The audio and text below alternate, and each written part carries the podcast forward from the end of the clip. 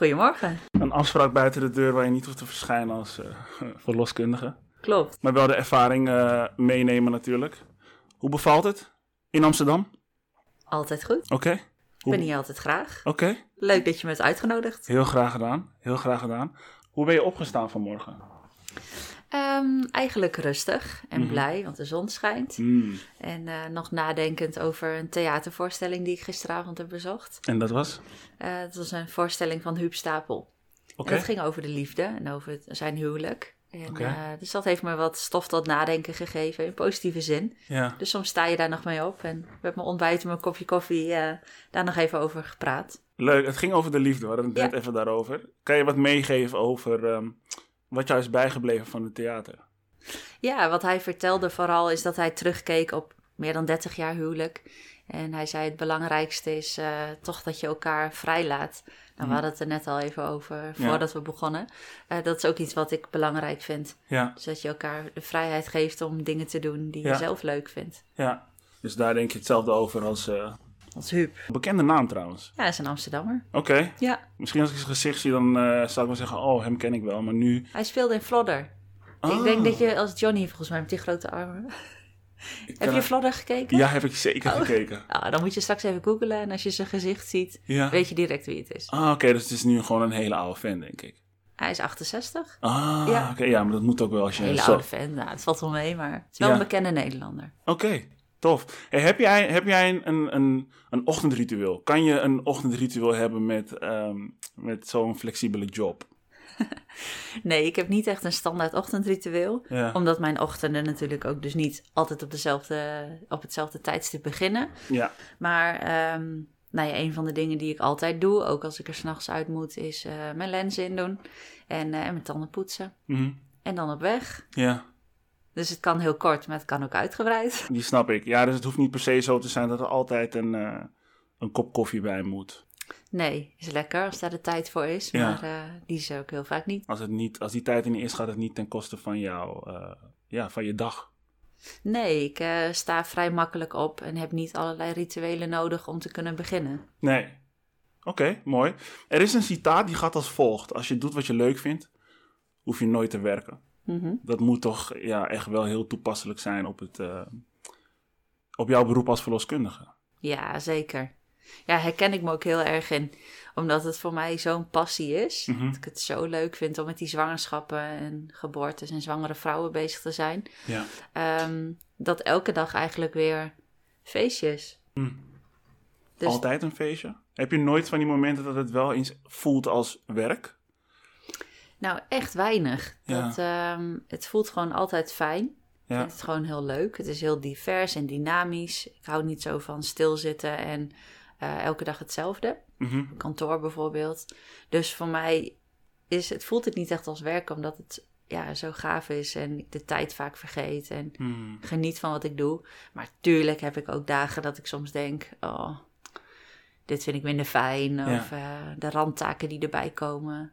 Veel administratie, veel vergaderen. Ja. Tuurlijk, daar ben ik ook wel eens klaar mee. ja, daar doe je het niet voor. Nee, Nee, je Nee. doet het echt voor ehm, het willen zijn van een verloskundige ja. tijdens ehm, eh, een bevalling. Mhm. Ik, ehm, ik kwam dus jouw boek tegen, zoals ik vertelde, in de, in de Scheltema. Eh, en dat boek heette eh, Sorry dat ik je wakker belde. Of Sorry dat ik je wakker bel, sorry. Straks daar meer over. En ik denk dat het voor het eerst in mijn leven, ehm, voor het eerst in mijn leven even stil stond bij de waarde van een verloskundige. Nou, wauw. Ja, zeker als, als man. Ja, Ja, dat vind ik bijzonder. dat, dat gebeurt zelden. Hoe kan dat dan? Omdat ik ehm, de achterkant van jouw ehm, boek ging lezen. En toen besefte ik mij hoe divers dat werk eigenlijk wel niet is. Mhm. En toen ging ik ook wel weer even terug naar eh, de geboorte van mijn eigen dochter. En op dat moment was ik ook wel ehm, ja, bewust van de waarde van een verloskundige. Maar ik heb het meteen ook weer los kunnen laten. En ook nooit echt gedacht van hoe belangrijk het is dat, ehm, dat het een goede verloskundige is. Want je moet natuurlijk, je komt wel binnen in een bepaalde ruimte, maar je moet wel kunnen samenwerken. Mhm. Dus jij als verloskundige, maar ook de moeder ehm, met de verloskundige. De moeder met de vader en niet te vergeten moeder met kind en kind met de moeder. Ehm, En dat vind ik sowieso iets fantastisch. En dan kom je tegelijkertijd weer terug bij het stukje verbinden. En ook daar is het gewoon heel belangrijk dat al die verbindingen, tenminste dat weet jij natuurlijk veel beter, Mhm. dat het allemaal kloppend is. Zeker. Dus ik ben blij dat ik, eh, dat ik tegen jouw boek aanliep. En daarom zit je natuurlijk ook hier. Mhm. En ook vooral omdat je als verloskundige, naar mijn idee, is het het enige beroep waarin je zo vaak in een ruimte komt waar- waarbij je die onvoorwaardelijke liefde gewoon kan voelen. Mhm. Of ja, ervaren. Ik kan me niet voorstellen waarin dat ook eh, zo vaak gebeurt. Nee, dat is zeker waar. Kijk, het is gewoon echt een live event, een kind krijgen. Hm. En in, in 99% van de gevallen is het een keuze die je als stel samen maakt. Ja, Daar is lang naartoe geleefd, daar heb je over gedroomd en voorbereid. En als dan dat moment daar is, daar is zoveel onvoorwaardelijke liefde. Hm. Maar daar begint ook het tweede deel van je leven, of de rest van je leven. nieuwe levensfase. Ja, ik, jij kan het beamen. Je bent denk ik een andere man dan dat je was voordat je vader was. Ja. Het doet iets met je hoofd, het doet iets met je hart, met je hormonen. met je ook. hormonen, ja. Tenminste, dat heb ik. Dat, ik denk dat ik het zo ervaren, want ik hou niet van chocola. Mhm. of nooit echt gehouden. Ik sta nooit in een supermarkt en denk: oké, ik heb zin in iets lekkers. Laat me chocola halen. En het moment dat mijn, ik denk die fase dat mijn dochter geboren was, kreeg ik trek in chocola. En het schijnt dat, je daar dat het te maken heeft met je eh oestrogeen. eh, Met je oestrogeen, ja dat kan. Misschien weet jij dat beter. En ik dacht, oké, wauw. En dus je, je wordt ook ge- eh, geprepareerd om, om een verzorgende eh, Mhm. ouder te zijn. Tenminste, ik op dat, op dat moment merkte ik dat heel erg. Ja, nee dat is zelfs wetenschappelijk bewezen wat je nu zegt. Oh ja? Want we weten dat eh, mannen nadat ze vader worden, worden zachter. Die worden meer een weekdier, zeg maar, door onder andere oestrogeen. Hmm. En vrouwen worden juist wat harder. Die worden waaks. Hmm. Die worden echt een soort van leeuwin over hun kleintje. Ja. Dus het klopt wat je zegt. En dat moet ook, want je moet als ehm, partner, vader in jouw geval, moet je natuurlijk gericht zijn op je kindje. Mhm. Je moet het willen beschermen. Je wil voor je roedel, voor je gezin zorgen, snap je? Mhm. En Ja. vrouwen zijn van zichzelf zachter en die moeten juist wat meer waaks worden. Van Dus kom niet aan mijn kind. ja, precies. Dus het klopt. Dat klinkt voor mij alsof de vrouw net iets meer mannelijke energie krijgt en de man Ja. net iets meer vrouwelijke energie krijgt. Ja, Dat houdt het hopelijk heel goed in balans. ja. Helaas is het niet in elke situatie zo natuurlijk. Hè? Mhm. Er zijn genoeg vaders die nog steeds niet het zorgelijke gevoel hebben. En moeders natuurlijk. Klopt. Maar eh, ja, ik, ik ga ervoor en ik, ik pleit ervoor dat het wel vaker voorkomt. Want het, ik vind het fantastisch. En zal het ook zo zijn omdat ik een dochter heb gekregen? In plaats van een, een, een, een jongetje? Kan het Ehm, invloed hebben? Ja, ik denk wel dat dat wat invloed heeft op Ja. hoe je je rol vervult ook. Eh, ik denk dat je als vader zijn, als je een dochter krijgt, dat je nog veel meer eh, inziet dat de wereld best een gevaarlijke plek kan zijn. Mm. En ik denk dat je je dochter wil beschermen daarvoor. Ja, ja. Ehm, dat je realiseert hoe kwetsbaar ze is. ja. En dat is bij jongens natuurlijk ook wel zo, hè? begrijp me niet verkeerd. Die kunnen ook wat overkomen. Mhm. Maar je bent zelf man, dus bij een zoon denk je misschien sneller, ah, dat komt wel op zijn pootjes terecht. ja, onbewust zou het zeker eh, Dat denk ik. zo kunnen gaan. Ja, Hey, voordat we verder gaan, zou je toch nog even jezelf willen voorstellen? Ja. Ehm, kan je in kort vertellen wie je bent en, en wat je doet? Want je bent natuurlijk veel meer dan alleen een, een, een verloskundige. ja. Ja, dus, ja, zeker. Ja, nou, ik ben Marlies, ik ben 30. Ik ben mede-eigenaresse dus van een verloskundige praktijk in Deventer. Eh, dat is mijn core business, dus daar werk ik eh, samen met een aantal collega's. En naast dat ik verloskundige ben, ben ik schrijver. Mhm. Heb ik twee boeken uitgebracht eh, over mijn werk als verloskundige. Zijn allebei een bestseller geworden, dus daar ben ik heel trots op. Oké, En naast dat ik die boeken schrijf, ben ik ook hoofdredacteur van een tijdschrift, Ja. Future Mom Magazine. ja. En eigenlijk in alles wat ik doe, ehm, probeer ik bij te dragen aan een goede voorbereiding van een zwangerschap. Mhm. Omdat ik geloof dat vrouwen daar beter door bevallen. Mhm. En dus eh, nou ja, dat ik bijdraag aan een gezonde generatie van de toekomst. Mooi. Dat is een mooi begin. Daar begint het, in principe. Ja, Bij, de, bij de geboorte, of misschien al voor de geboorte zelfs. Daar heb ik zo wel eh, wat vragen over. Hey, je hebt zelf geen kinderen? nee, Daar klopt. hadden we het net even kort over. Alleen heb ik nog niet de vraag gesteld wat, wat voor jou echt de daadwerkelijke reden is ehm, eh, ja, dat jij nog geen kinderen hebt. Dus die vraag ik wel toch even, Mhm. even stellen. Nee, ik ben inderdaad al heel wat jaren samen met mijn vriend. En Ja. eh, voor mij was het belangrijk om ehm, eerst aan mezelf en mijn eigen ontwikkeling te bouwen. Mhm. Mijn vriend en ik allebei, eh, nou, carrière doelen, ambities, Ja, dromen en wensen. Dat wilden we in ieder geval eerst doen. ja. En ehm, ik denk niet lichtzinnig over kinderen. Ik vind dat je echt goed moet nadenken of dat iets voor je is. Ehm, omdat ik het een, echt een hele grote verantwoordelijkheid vind. Hmm. En ik heb altijd gezegd, ik wil heel graag moeder worden. Dat is nog steeds zo. Dus ik hoop dat het ons ooit gegund is. Hmm. Maar ik wilde eerst bouwen aan een stabiele basis. Hmm. Omdat ik dat heel graag mee wil geven aan een toekomstig kindje, Kind, mocht dat ja. eh, er zijn. Ja. En wat is voor jou een stabiele basis? Heb je dan over financieel, eh, mentaal?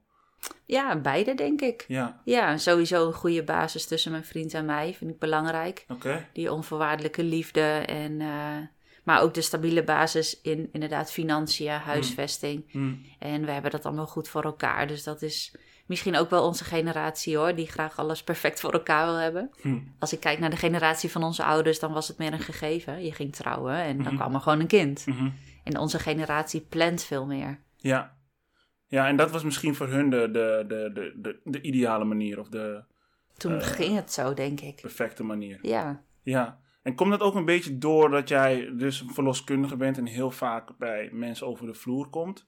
En dat je dan zelf ook een beetje kan zien van oké, goh, eh, dit is naar mijn idee nog niet in orde. Of dit, dit is volgens naar mijn idee nog niet in orde. Misschien is het wel verstandiger voor mijzelf dat ik dit allemaal wel eh, eerst in orde heb voordat ik daaraan ga beginnen. Ja, zeker. En ik werk in een ehm, nou ja, stadspraktijk met een hele gemêleerde populatie. Ja. Dat betekent dat ik heel veel diversiteit zie. Van alles heel goed voor elkaar tot hele schrijnende situaties. Ja, ja, En ehm, dat neem je wel mee. ja. Dus je denkt soms wel van, oh, ik wil wel een goede basis. Dus dat is voor mij een belangrijke waarde. Ja, ja, ja ik snap die waarde. En eh, ik snap het. Tegelijkertijd vind ik het soms best wel ehm, ook wel weer ingewikkeld. Omdat ik. ehm, als ouders zijn we zo druk bezig om ervoor te zorgen dat ons kind zo min mogelijk trauma's Mhm. oploopt. En tegelijkertijd zorgen die trauma's er ook wel weer voor dat er een bepaald soort karakter wordt ontwikkeld. Dat op zich ook wel. Tuurlijk. En daar heb je ook helemaal gelijk in, want daar voer ik natuurlijk ook gesprekken over. Ja, Eh, mijn schoonvader bijvoorbeeld zegt heel vaak van... ehm, waarom is jullie generatie zo druk bezig met alles zo perfect te krijgen? Want het enige wat je een kind hoeft te geven is liefde. Mm. En dat heb je ook wel als je niet je huis misschien helemaal tip-top af hebt. Ja. Of daarvoor hoef je helemaal niet alles op de rit te hebben. Ja. En dat vind ik eigenlijk best wel een leuke, kwestie. leuke kwestie, een goed inzicht. Ja, Dus je hebt gelijk, je bent soms bezig om alles perfect te maken, maar of dat echt essentieel is, ja. Weten we niet. weten we eigenlijk niet, hè? Nee. Nee, maar goed, het is altijd fijn om een goede baas te hebben. En als het, als je, als je het kan, waarom, eh, waarom zou je er niet voor gaan? In, ehm, in wat voor gezin heeft jouw wiegje gelegen? Ehm, een heel eh geprivilegeerd gezin, denk ik. En hoe? Eh, qua privilege, white privilege, ja. ja, ja, oké. Ik kom uit een hele warme familie, met een gezin van vier. Ehm, mijn ouders zijn nog bij elkaar. Er was altijd ruimte voor wat wij graag wilden, onze ontwikkeling. ja, Ehm, hardwerkend gezin. Mijn vader was kostwinnaar, mijn moeder was thuis. mm, Ehm, maar zij hebben ons altijd ontzettend gestimuleerd om ons hart te volgen. ja, Om te doen waar je hart sneller van gaat kloppen. ja, Dus ja, ik kan niet anders dan warm terugkijken op de jeugd die ik heb gekregen. ja. En dat wil je natuurlijk ook weer zo meegeven aan je eigen, aan je eigen kind. En nu ik er zo over nadenk, is... Er vindt wel een verandering plaats natuurlijk. Misschien door de hele feministische beweging die er is. Vrouwen zijn, er zijn veel meer vrouwen zijn ondernemers. Mhm. Maar jij bent er natuurlijk ook één. Dus dat betekent ook dat je als, ehm, als moeder misschien wat minder vaak aanwezig kan zijn voor jouw kind als dat een, een, een- jouw moeder voor jou is geweest. Mhm. En als vader kan je misschien nu in deze periode wat meer aanwezig zijn in het leven van je kind dan een vader die, de, die alleen maar aan het werk is. Dus ook alleen daarom is het ook heel belangrijk dat mannen ook op de hoogte zijn van ehm, ja, deze informatie. Ja, zeker. En ik vind dat ook echt, daar probeer ik ook steeds over eh, te vertellen. Omdat Ja. ik het nog steeds raar vind hoe wij het in Nederland regelen. Oh ja? Dat, het is maar sinds kort hè, dat de, ehm, het verlof voor mannen bijvoorbeeld, Mhm. partnerverlof, is pas sinds kort uitgebreid. Ja. Eh, of dat er wordt gezegd, ja, ehm, eh, bijvoorbeeld zo'n papa-dag. Terwijl ik denk, je kiest als stel samen voor gezinsuitbreiding. Mhm. Hoezo wordt er aan een vrouw gevraagd hoe zij dat doet met haar carrière? Hoe ga je dat straks doen als je een kind hebt bijvoorbeeld? Mhm, mhm. Dat wordt aan een man bijna nooit gevraagd. Hmm. Die gaat misschien één dagje minder werken, terwijl ehm, die gelijkwaardigheid mag van mij nog veel meer Hmm. in Nederland. Dat ben ik met je eens. Het lijkt me wel een hele lastige, moet ik zeggen. Want de, de, de moeder is vanaf de... Kijk, allebei zijn natuurlijk nodig, maar de moeder is onmisbaar. Ja, maar een vader ook. Jawel, Dat ja, is zeker. echt, dat is, dat is nog zo'n.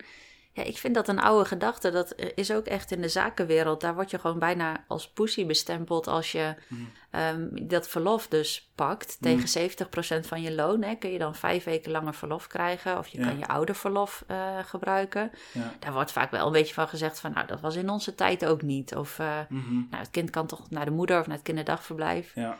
Terwijl de, de, ik zie echt, de meerwaarde van vaderschap is zo groot. Ja. Wat je je kind meegeeft, jij, jouw dochter, Ja. jouw denkwijze, jouw visie, de stabiele basis, maar ja, jouw hele mannelijke kant, zeg maar. Ja. Zo essentieel voor een kind. Ja. Ja, eens. Ja, dat ben ik zeker met je eens. En ik, ik, eh, ik ga er ook echt wel voor hoor. Ik, ik ben ook een, een prater. Of eh, ik, ik hou van communiceren, laat me dat zeggen. Ehm, dus ik vind het ook fijn als zij met mij praat. Ehm, en ook de, de, de, de, de onderwerpen die je vroeger met moeders zou bespreken. Ja, ik vind het ook fijn als ze dat met mij kan bespreken. Dat ze zich daar, daar veilig bij voelt. En ehm, ik geloof ook heel heilig erin dat de relatie die ik met mijn dochter heb... ook bepalend zal zijn, kan zijn voor de relatie die ze zal krijgen met... misschien haar eerste vriendje of haar levenspartner. Of, Ja, of dat is absoluut waar. Ja, Ja, mooi. wat een belangrijke taak heb je dan eigenlijk, hè? Ja, ja, vind ik wel. Ja, dat vind ik een hele belangrijke taak. Ehm, en ik vind het soms lastig. Ik wil er beschermen, maar ik wil er niet beschermen, zeg maar. Mhm. Dus ik, eh, ik wil... eh, ik heb liever dat ze... Dat ze ik, ik wil het voorkomen dat ze die fouten maakt, maar ik weet ook hoe belangrijk het is dat ze zelf bepaalde, bepaalde fouten maakt. Dus het is altijd wel een beetje een, een, een balans. eh, Dat is ook zo, denk Vinden. ik. En die balans zal je altijd hebben, want hoe ouder zij ook zal worden, ja, ja, het blijft altijd je meisje. ja, Maar ik denk als zij weet dat ze op jou terug kan vallen, dat Ja. jij er bent no matter what, ja, eh, dat is belangrijk om haar eh, een stabiel volwassen leven te geven. ja, Dus dat doe je goed. Ja, nou dank je. Zover ik weet doe ik het. eh, ik heb ook het idee dat het goed gaat. Hey, wist je als puber al dat jij je wilde richten op verloskundigen? Ja, al eerder zelfs. In- eerder? Ja, in eh, groep 5 van de basisschool wist ik eigenlijk al dat ik verloskundige wilde worden. Oké. Ehm, want ik heb eh, toen een spreekbeurt gehouden over het beroep. Mhm. Natuurlijk heel, in heel simplistische vorm, maar Ja. daar zijn foto's van. Dan heb ik mijn pasgeboren neefje mee naar school. En toen wist ik al, ik wil verloskundige worden. Ja, Dus al heel jong. ja. Daar waar anderen twijfelden welke studie ze wilden doen, heb ik altijd deze richting willen doen. Bizar, hè? Ja, Op zo'n jonge leeftijd. Ik denk dat ook wel enigszins dus gestimuleerd is door, eh, door mama. zeker, want mijn moeder is kraamverzorgster. Ja. Dus die vertelde aan de keukentafel eh, verhalen over eh, de gezinnen waar zij werkte. Ja. En vertelde ze ook over de vroedvrouw die dan daar kwam. En Wat ja, is een vroedvrouw? Help mij. dat even. is eigenlijk de oude term voor verloskundige. Ja, ja, ja. Oké. Dus daar is denk ik het zaadje geplant. Ja. En eh, zij heeft die fascinatie voor zwangerschap, geboorte en pasgeboren baby's ook. Ja, en ik, ik, kan me voorstellen dat je daar alleen maar met passie over kan vertellen. En dan word je als kind natuurlijk ook gewoon warm van. En dan denk je van, Ja, ik ga me hierin verdiepen. ja. Oké. Hey, ehm, in het jaar 2021 zijn er meer dan 10.000 kinderen geboren. Wat ik mij echt nog steeds niet kan voorstellen. Ehm, maar er zijn meer dan 10.000 geboren, eh, 10.000 kinderen geboren dan het jaar daarvoor, dus dan in 2020. Eh, dus een schatting van 180.000 kinderen die zijn geboren in 2021. Terwijl het al tientallen jaren nooit boven de 170.000 is gekomen. Mhm. Ehm, corona is de verklaring, denk ik. Ja, klopt. Was er bij mij in de praktijk ook echt wel eh, merkbaar. Oh ja? Ja. Meer, meer aanmeldingen, eh, meer bevallingen. Het was Ja. gewoon drukker dan ooit. Wat bijzonder, hè? Want ik, in mijn hoofd denk ik juist dat door de corona mensen ook gewoon minder ehm, eh, nieuwe mensen ontmoeten. Ja, ik vind dat ook bizar. Ik heb daar ook echt over na zitten denken van wat was dan de reden dat we toen ineens met elkaar zoveel kinderen maakten, zeg maar, tussen aanhalingstekens. Ja. Maar ik, denk, ik heb dat ook gevraagd aan de mensen die nieuw bij mij op de praktijk kwamen. Maar eigenlijk waren dit stellen die altijd al wel samen een kindje wilden. Mm, Maar hier nog, die ervoor te druk bezig waren met nog een wereldreis willen maken. Toch nog die carrière mm. nastevenen. En nu kwamen ze thuis te zitten. Dus bedachten ze, nou, dan zijn we er misschien nu wel aan toe. Ja, is het zo simplistisch eigenlijk? Ja, dat denk ik. Ja, kan ook niet anders. Want het waren niet nieuwe stellen of zo, die Nee. elkaar dan waren tegengekomen via Tinder. Nee, het waren vooral dertigers. Dus, Ja, mensen gewoon de van- koppels onze leeftijd die al wel misschien een tijdje samen waren. En dan bedenken, weet je, ik hoef nu even niet naar dat feestje. En die drukke levens die we met elkaar hebben. Ja, Dat kwam tot stilstand. ja, En dan kom je toch weer bij de essentie van mens zijn. ja. En willen voortplanten, Voortplanten. denk ik, ja. ja, dat moet wel. Dus jij hebt het ook flink drukker gehad. Oh, het was zo druk. Oké. ja. Wat gebeurde dan met jou? Ehm, nou, ik kwam wel een beetje in de overlevingsstand. Eh, het was echt druk. Ja, En, ehm, en er zat natuurlijk een, een spanningscomponent bij hem. Dat we toen in het begin nog niet zo goed wisten wat corona was en wat het zou doen. Maar je gaat door.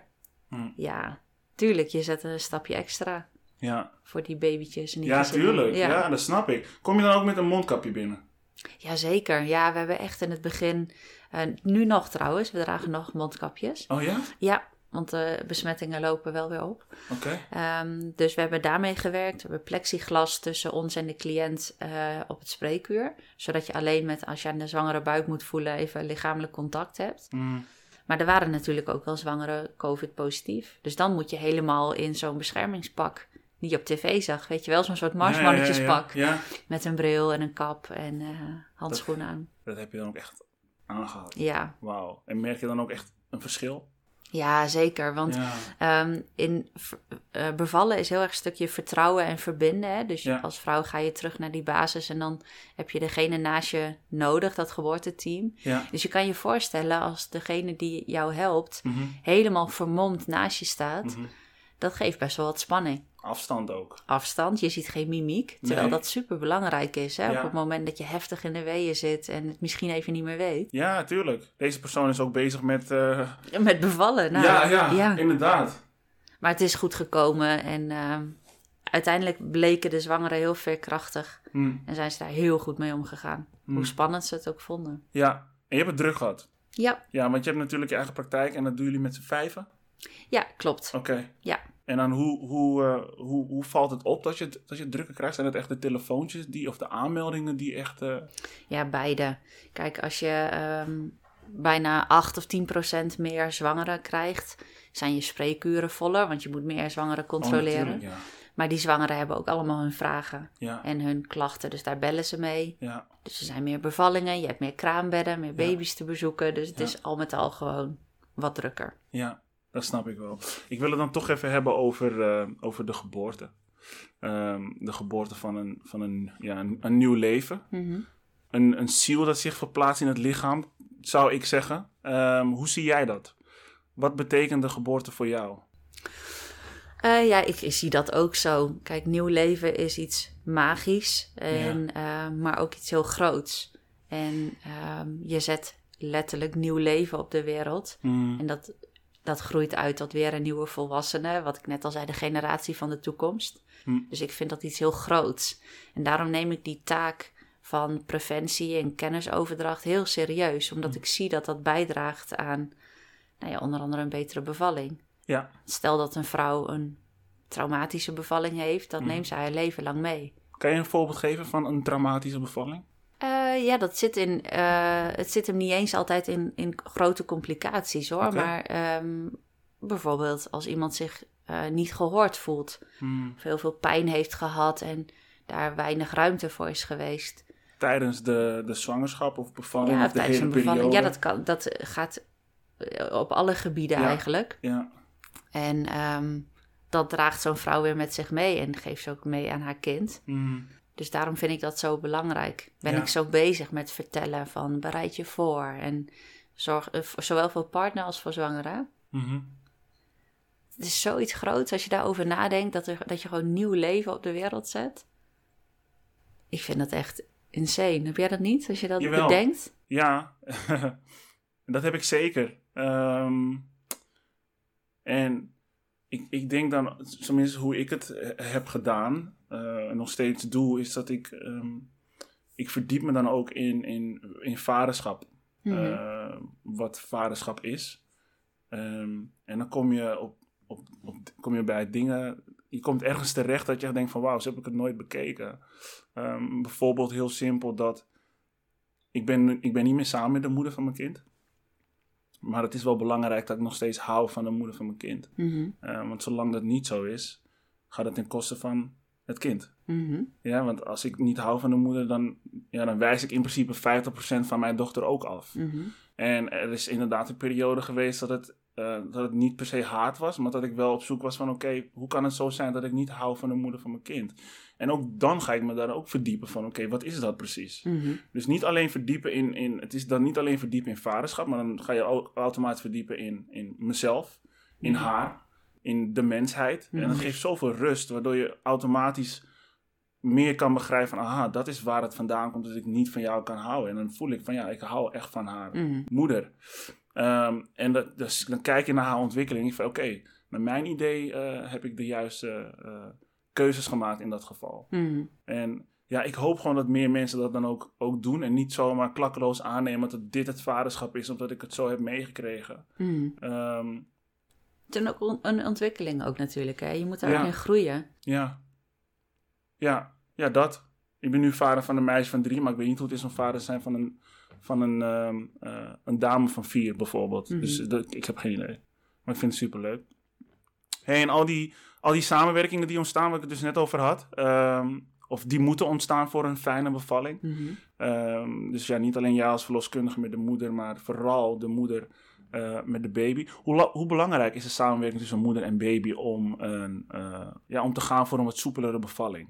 Eh, ja, belangrijk. Oké? Ehm, omdat het niet alleen voor de moeder hard werken is hè, om dat kindje op de wereld te zetten, maar die baby moet ook een reis ondergaan. Ja, En die moet door een nauw kanaal en die moet het hoofd aanpassen en die wordt, ja, kan ook geen kant op. ja, Dus dat, dat, is, ja, dat Ja. doen ze samen. ja, Ik gebruik dat ook wel vaak hoor. En in, in het laatste stukje van de bevalling, als een vrouw soms zegt uit wanhoop van, oh, ik, ik kan niet meer of dit gaat me echt niet lukken, mhm, dan helpt het soms om te zeggen, maar je doet het goed. mhm, En jouw baby is ook hard aan het werk. Jullie doen dit samen. mm, Teamwork. En dan Mhm. zie je er wat veranderen in die blik. Want dan denken ze, oh ja, ik ben niet de enige die Ik hard aan het werk is. Ik doe dit niet alleen.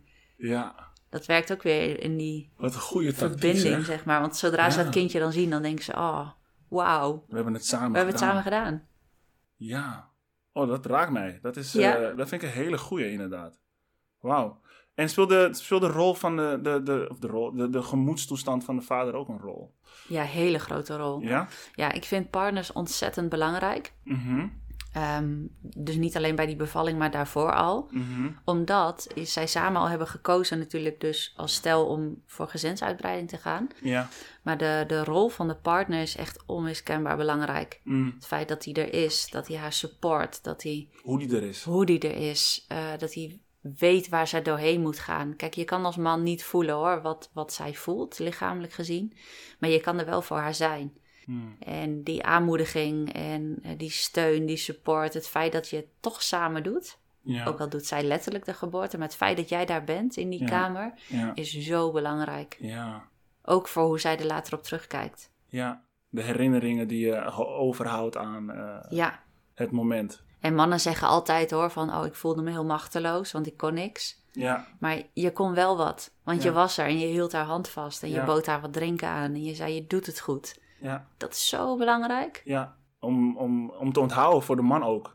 Ja, Dat je niet jezelf tekort doet. doe jezelf niet tekort. Nee. Echt, je bent het allerbelangrijkste in die kamer. Nog meer dan die verloskundige die uh, aanwijzingen geeft of helpt. Ja. Ik kan me ook wel voorstellen dat na al die jaren dat je het ook wel eens hebt meegemaakt dat er dat de, dat de samenwerking tussen moeder en kind niet heel soepel was. Mhm. Heb je daar een voorbeeld van? Kan je zo'n voorbeeld geven? Ehm, nou ja, soms zie je dat uh, door de ligging van de baby dat het niet helemaal soepel gaat. Mhm. Maar ik geloof er niet in dat het kind dat bewust doet. Mhm. Dit is gewoon de natuur. Mhm. Het moet, die schakeltjes moeten allemaal in elkaar passen. Dus dat het niet helemaal goed gaat tussen moeder en kind is heel vaak denk ik gewoon de natuur. Daar kan die moeder zelf niks aan doen. Oké. Maar ik geloof wel heel sterk in de, het belang van de eerste duizend dagen. Ken je dat? Dat ken ik niet. Nou, de gedachte daarachter is, dat is een, eigenlijk een theorie van de laatste jaren, Mhm. dat het niet pas begint, de uh, band tussen moeder en kind, op het moment dat het kindje geboren is. Mhm. Maar dat gebe uh, gebeurt vanaf het moment van de bevruchting. Mhm. Vanaf dat moment begint de reis van dat nieuwe kind. Ja. En dan tot het tweede levensjaar, tot het kindje twee is. Daarin ligt alles vastgelegd. De groei, de ontwikkeling, de gezondheid van dat kind voor de rest van het leven. De emoties? Alles. Alles ligt in die eerste twee jaar. Hmm. En ik denk wel dat als daar iets niet goed gaat, bijvoorbeeld moeder gebruikt drugs of alcohol, of zij heeft veel stress omdat het thuis huiselijk geweld is, Hmm. of zij heeft een depressie, Hmm. dat heeft zo'n weerslag op dat kind. En dan gaat die samenwerking waar jij het over hebt tussen moeder en kind, dat loopt niet helemaal goed. Dan is er een knak in die eerste duizend dagen. En dat gaat het kindje in de rest van het leven merken. Mhm. Die kinderen hebben meer kans om eh, zelf een depressie te krijgen, hebben meer kans op hart- en vaatziekten, op diabetes. Ja. Dus een stabiel, gezond kind heeft ook te maken met die, het belang van die eerste duizend dagen. Mhm. Daar kun je als man dus ook aan bijdragen. Ja, precies. Ontzettend, zelfs. Dat is fascinerend dat je vanaf de bevruchting, door zelf ook niet te drinken op dat moment, Mhm. bijvoorbeeld, Mhm. verbeter je de zaadkwaliteit. Mm. En dan heb je weer een goede bevruchting, heb je weer meer kans op een gezond kind. Ja, Dat is toch waanzin? hoe dat werkt. Dat is Wa- heel- Ik vind dit echt, dit moet veel meer bekend worden nog. Ja, ja dat, daar gaan we voor. Dus ehm, eh, we, we beginnen ons dus te ontwikkelen vanaf de, de, de, de fusie of Mhm. samensmelting van de eicel en, en de zaadcel. Mhm. Zeg dat goed? Ja. En dan ontstaat een nieuw leven in de, in de baarmoeder. Ja. Ehm, ja, dat is echt heel bijzonder, ja. Dat is heel bijzonder. Ehm, dus de ontwikkeling begint natuurlijk al voor de baarmoeder, wat jij dus eigenlijk zegt. En- maar vanaf welk punt start voor jou de emotionele ontwikkeling van het kind? Eh, nou ja, ik geloof er dus in dat die emotionele ontwikkeling dan ook al, ehm, dat de basis daar al gelegd wordt. Dus Bij ook al is het, samensmelting. ja, vanaf die bevruchting, Ja, dan begint die, dat klompje cellen begint te ontwikkelen. ja, En dan daarna wordt dat een foetus. En ik geloof dus dat daar al de basis ligt van de emotionele ontwikkeling. ja, En dus als een moeder heel veel stress ervaart of als daar een impact is, dan heeft dat ook weer impact op haar kindje. ja. Ja.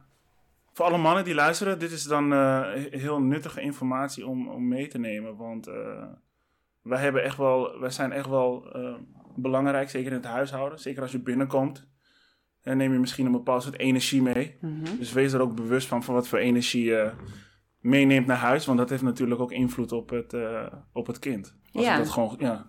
En, en laat het je niet ontmoedigen, want een, een goede vriend van mij zei laatst... Jeetje, maar als je dit vertelt, dan vind ik het alleen maar... Zij hebben geen kinderen. Mm. Hij zei, ik vind het alleen maar zwaarder. Dat drukt nog meer op me om het goed te doen. Ah, En toen zei ik, nou dat, ja, dat snap ik, maar zie het niet als een onmogelijke taak. Maar dat meer als geen een- extra stress, ge- stress Nee, geven. nee, dus tuurlijk heb je wel eens een dag dat je thuis komt en dat je zagrijnig bent. Ja. No worries. Maar ik bedoel meer de grote crisis of impact van relatieproblemen of Ja. trauma uit je eigen jeugd. Ja, Probeer dat te verwerken. ja, ehm, nog voordat je aan deze reis begint. ja, als je er bewust van bent dat je überhaupt eh, iets te verwerken hebt. Ja, Ja. want dit is de generatie van de toekomst hè, die nu op de wereld wordt gezet. mhm. En die willen we zo, eh, Die willen we graag helpen natuurlijk. zo goed in hun lichaam Ja. eh, laten zitten. Hoe zit het met de stress voor de baby? Ehm, ik kan me eigenlijk alleen maar voorstellen dat een baby ook zo snel en ontspannen mogelijk eh, geboren wilt worden. Mhm. Schiet de stress van een baby ook omhoog bij een langere bevalling?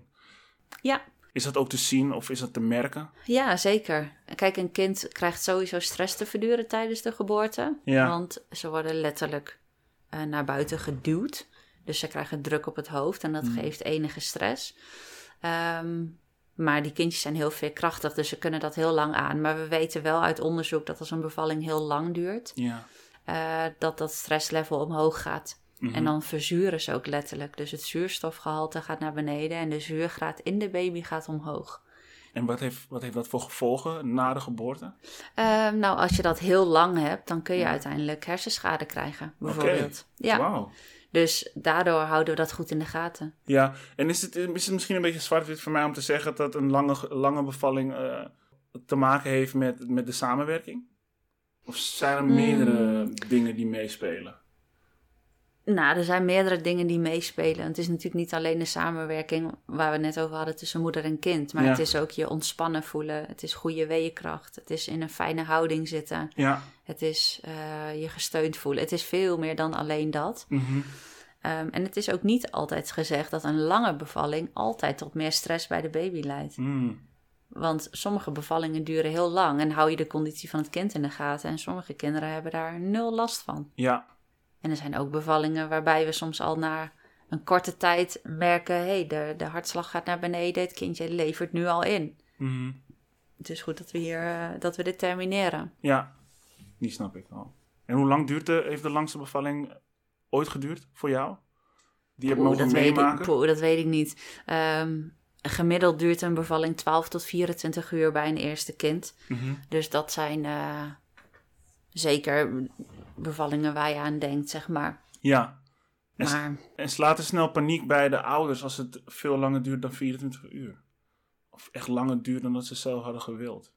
ehm, niet echt paniek, soms wel wat teleurstelling of vermoeidheid Ja, als het langer duurt. ja, tuurlijk. Maar het mooie om te zien is dat als het wel goed gaat, dat, dat je echt in een soort flow komt. Ja, Ik noem dat vaak de groene spiraal. Dus op het moment dat je je ehm, goed ontspant, gaat de Ja. ontsluiting verder. Oké, En dan gaat de ontsluiting verder, ben je gemotiveerd. ja, Krijg je betere weeën, kom je Ja. verder in de bevalling. En dan komen we in de groene spiraal. ja, Kan ook de andere kant op. Ja. Als een vrouw zich bekeken voelt, of ze is angstig of koud, stagneren de weeën. Dan Hmm. stagneert de ontsluiting. Ze raakt gedemotiveerd dat het niet opschiet. Mm, Krijgt nog meer pijn, Mm. voelt zich nog angstiger en we gaan de rode spiraal dat in. kan echt heel snel eh, de andere kant op gaan. Maar dit is omkeerbaar. Ja, En daar heb je als partner ook weer een rol in door dat te signaleren. Mhm. Door te kijken wat heeft ze nu nodig. Mhm. Dus voelt ze zich koud, is ze niet op haar gemak, kun je misschien extra sokken halen of thermostaat omhoog doen. Zorg dat, je, dat ze zich comfortabel voelt, zodat je weer in die groene spiraal komt. ja, het is niet zo makkelijk. Voor een man ook. Nee, het is, het is echt groot. En daarom vind ik het ook zo belangrijk dat die voorbereiding er is. Ja. Dat je een cursus doet of dat je eens een boekje leest over dit. Dat Iets. je, want het is helemaal niet heel moeilijk, maar toch ook weer, ja, het is ook weer niet heel klein, snap je? Ja, dus het, het, is, het is niet moeilijk, maar het kan simpel zijn als je erin verdiept hebt. Ja, als je even gelezen hebt dat het een soort van eh, sportwedstrijd is bijvoorbeeld. Hè? Mannen denken heel veel, gra- graag aan sport. Zeker. Die bevalling is een soort van, zie het als een marathon. ja, Die loop je ook niet ongetraind. nee, Dan zorg je dat je eten bij je hebt en voldoende drinken en aanmoediging langs de lijn. ja, En dan is die laatste vijf kilometer voordat je die marathon voltooit, die is het allerzwaarst. ja, Maar dan word je er doorheen gesleept door de menigte die juicht en jou... Oh, je voelt die adrenaline in je lijf, toch? Je ziet jezelf al bijna voor die finishlijn. zeker. Dus ja. bevallen is, kun je ook zo zien. Hmm. Dat doe je samen. Ja, eens. Eens met z'n allen. Ja, eigenlijk in principe iedereen die, eh, die betrokken is en die in die, in die ruimte op dat moment Ja. eh, aanwezig is. Mhm. En wat na, na de bevalling? Wat is jouw rol nadat de, de, de, de baby er is? Nou, eigenlijk doe ik dan vaak een stapje terug. Want dan Mm. begint eigenlijk het gouden uur. En Hmm. dat is het eerste uur na de geboorte. Oké, En ehm, het is voor de hechting heel goed als het kindje in het eerste uur niet te veel wordt aangeraakt, anders dan door de ouders. ja, Dus dan leggen we het op de borst bij moeder en als moeder zich niet lekker voelt bij vader. ja, En dan wacht je gewoon. Ja, Niet die vreemde handen, geen prikkel, maar gewoon uitpuffen van die eh, heftige ervaring voor beide. rust. Rust. En eh, nou, na dat uur ga je rustig eens kijken van, eh, of er wat controles gedaan moeten worden. En Mm. eh, eventueel, de, de moederkoek moet er natuurlijk nog uit en eventueel hechten als... Placenta. ja, de moederkoek is de placenta. Ja, die Ja. moeten uit. En als er een scheurtje is, dan hecht je die. Ja, precies. Ehm, hoe zit het dan met, met couveuse baby's? Mhm. Ik kan niet precies mijn vinger erop leggen wat de, eh, wat de gevolgen zijn van zo'n baby die in principe ja, helaas niet meteen bij de moeder Mhm. ehm, op de borst heeft gelegen. Wat, Mhm. zijn, wat zijn de consequenties daarvan? Nou, die zijn best wel eh, heftig eigenlijk als je daar dieper op inzoomt. Oh ja? Ehm, want couveuse baby's zijn vaak ook kindjes die te vroeg geboren zijn. Ja. Dus die leveren al in omdat ze niet de volledige 40 weken hebben gehad, bijvoorbeeld. Dus de, de organen zijn bijvoorbeeld nog niet helemaal af. Ze hebben moeite met temperatuurregulatie, met voeding, met groeien. En dan hebben ze ook nog dat eerste moment soms gemist, omdat de kinderarts de baby direct moest beademen, bijvoorbeeld. ja. Dat doet wat natuurlijk op de ontwikkeling van zo'n kindje, maar je Ja. ziet ook dat dat effect heeft op de ouders. En wat, heeft, wat voor effect heeft dat ouders? Nou, als jouw kind bij jou weg is gehaald omdat het een slechte start had ja. en het moest mee naar de kinderafdeling. Sommige ouders hebben drie uur lang hun, nou, een, een glimp van hun baby gezien en dan is die meegenomen. ja. ja, dat is verscheurend als je je kind is weggehaald, zeg maar. Ja. ja. Dat is ook niet hoe je het voor je, voor je zag. Is dat het begin van een zelfstandige baby? Hoe bedoel je? Ehm, hm, dat een, een, een couveuse kind, ehm, ja, ik denk op, op zo'n jonge leeftijd al zelfstandig moest zijn. Ja, ik denk dat zij wel hoog ehm, in de adrenaline zitten. Oké. Omdat zij eh, eigenlijk het enige wat zij nodig hebben is liefde en warmte van papa en mama. Ja, En als die er niet zijn, zijn ze wat sneller geprikkeld. Dus je Ja. ziet ze meer zoeken, ze huilen meer, waakzaam. En eh, van die ge- gebalde vuistjes en zo. zie je dat dan ook bij die baby's? Ja, kun je zien. Ja. Oh. Ze zijn echt meer geprikkeld. Aha, En daarom is dat buidelen, ook daarna, hè, van huid op huid contact, is zo belangrijk. ja. Want wist je zelfs dat als je een baby, als die geprikkeld is, bij ouders op de borst legt en ze horen de hartslag, mhm. dat zelfs daarmee de temperatuur per- en de hartslag van de baby wordt gelijk aan die van degene bij wie ze op de borst Borst liggen. Wat? Dat is toch waanzin? Ik vind echt de natuur is geweldig. Dat wist ik niet. Ja, Dat wist ik niet. Wat bijzonder is dat, zeg. ja, Dat zorgt echt voor heel veel rust. ja. Dus daarom adviseren we ook als een kindje op de neonatologie, op de couveuse afdeling ligt, Mhm. dat ouders daar toch nog wel geregeld naartoe gaan. En als de medische situatie toelaat om lekker met het kindje te knuffelen. Ja. En dat kunnen partners ook, hè? De, de man bedoel je in De man geval? bijvoorbeeld, Ja. ja. Of een vrouwelijke partner. Maar stel dat moeder zich niet goed voelt omdat ze een keizersnee heeft gehad of ze is Mhm. ziek. Mhm. Als vader kun je ook je shirt uitdoen en zeggen: Kom maar. Oh, dat herken ik. Ja, Ja, tuurlijk. want ja. je hartslag is er. Ja. En je kind voelt zich geborgen. ja, is ook alleen maar goed voor de hechting met het kind als, Ja. als, als, eh, als een man natuurlijk. Mooi. Ik wou hier, ik wou hier iets op vragen nog. Oh ja, ehm, hoe kijk jij dan ehm, naar, naar kinderwagens? Wat vind jij van kinderwagens? Ehm, nou, als een handig hulpmiddel. Ja, Ehm, maar ik pleit dus ook heel erg voor dat je een draagzak of draagdoek Ja. hebt. ja. Ja, Want ehm, dat dragen van je kind houdt het dicht bij je en dat zorgt voor een goede hechting. Mm, En dus als vader zijnde is dat fijn. ja. Want als vader zijnde begint jouw die hechting met dat kindje pas echt goed als het kind er is. Hè? Want je hebt het niet in je gevoeld als man. Nee, Dus voor partners is het soms best abstract, zo'n zwangerschap. Maar als het kindje er is, kun je bouwen aan die, eh, aan die aan die hechting. relatie. Dus ja. lekker dat kindje bij je dragen. Je Ja. troost ze, ze huilen minder. Ja. Dus een kinderwagen, ja prima. je hebt je handen vrij. Ik heb er niks op tegen. Nee, ik heb er ook niks op tegen, natuurlijk niet. Nee, iedereen zijn manier. En het ik zeg niet per se dat mensen die een kinderwagen hebben, dat het een, eh, een verpest kind is of Nee, zo. helemaal niet. Helemaal maar- niet. Maar inderdaad, ik, eh, ik, ik, ik vind zelf dat huid-op-huid contact ook gewoon fantastisch. Dus ik, ik, ik, als ik het nog een keer zou moeten doen, dan eh, zou ik het ook op, met een draag, draagzak doen. Of draag, Ja. draagdoek, draagzak. Ehm, ja, dan denk ik van, ja, waarom zijn er kinderwagens? Dat is het eerste wat ik me afvraag. Waarom wordt het gestimuleerd? Ja, omdat het soms misschien ook wel zwaar kan zijn als je de hele tijd je kindje bij je draagt. Ja, precies. dat ja. het soms ook goed is om dat even uit handen te geven. En Ja. mensen in je omgeving willen ook graag zorgen. Ja, ja, ja, dat snap ik. Trotse opa's en oma's of ooms en tantes die ook even de kinderwagen willen duwen. Terecht, weet je, de hele omgeving is vader en moeder eh, op het moment dat, dat, dat, dat het kind bij die, ehm, ehm, ja, die, bij die mensen zijn. Zo zie ik het wel. Hey, volgens thuisarts.nl Mhm. Eindigen ongeveer 1 op de 10 zwangerschappen met een miskraam. Ja, helaas. Ja, en meestal stopt de groei in de, in de eerste 12 weken. Ja. Ehm, hoe ontstaat een miskraam?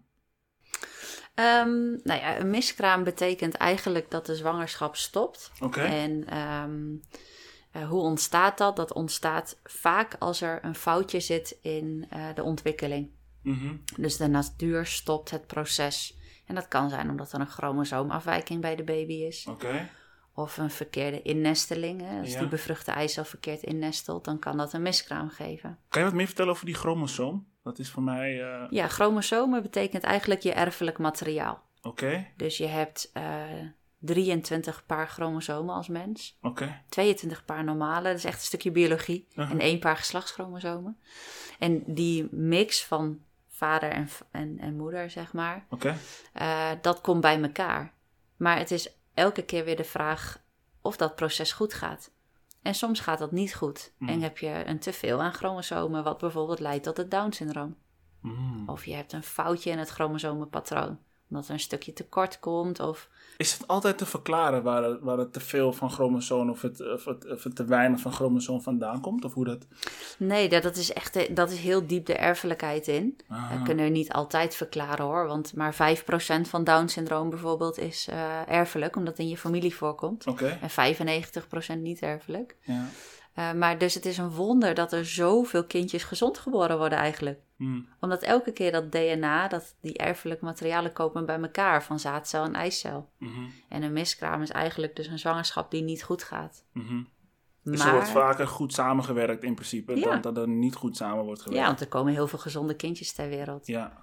Maar eh, dat staat natuurlijk los van het feit dat een miskraam wel heel emotioneel zwaar is. Hè? Mm. Als je dat tegen iemand zegt van, oh, de natuur greep in, want het was misschien iets niet goed. Dan ga je compleet voorbij natuurlijk aan. nee, maar dat wordt zeggen. nog steeds gezegd.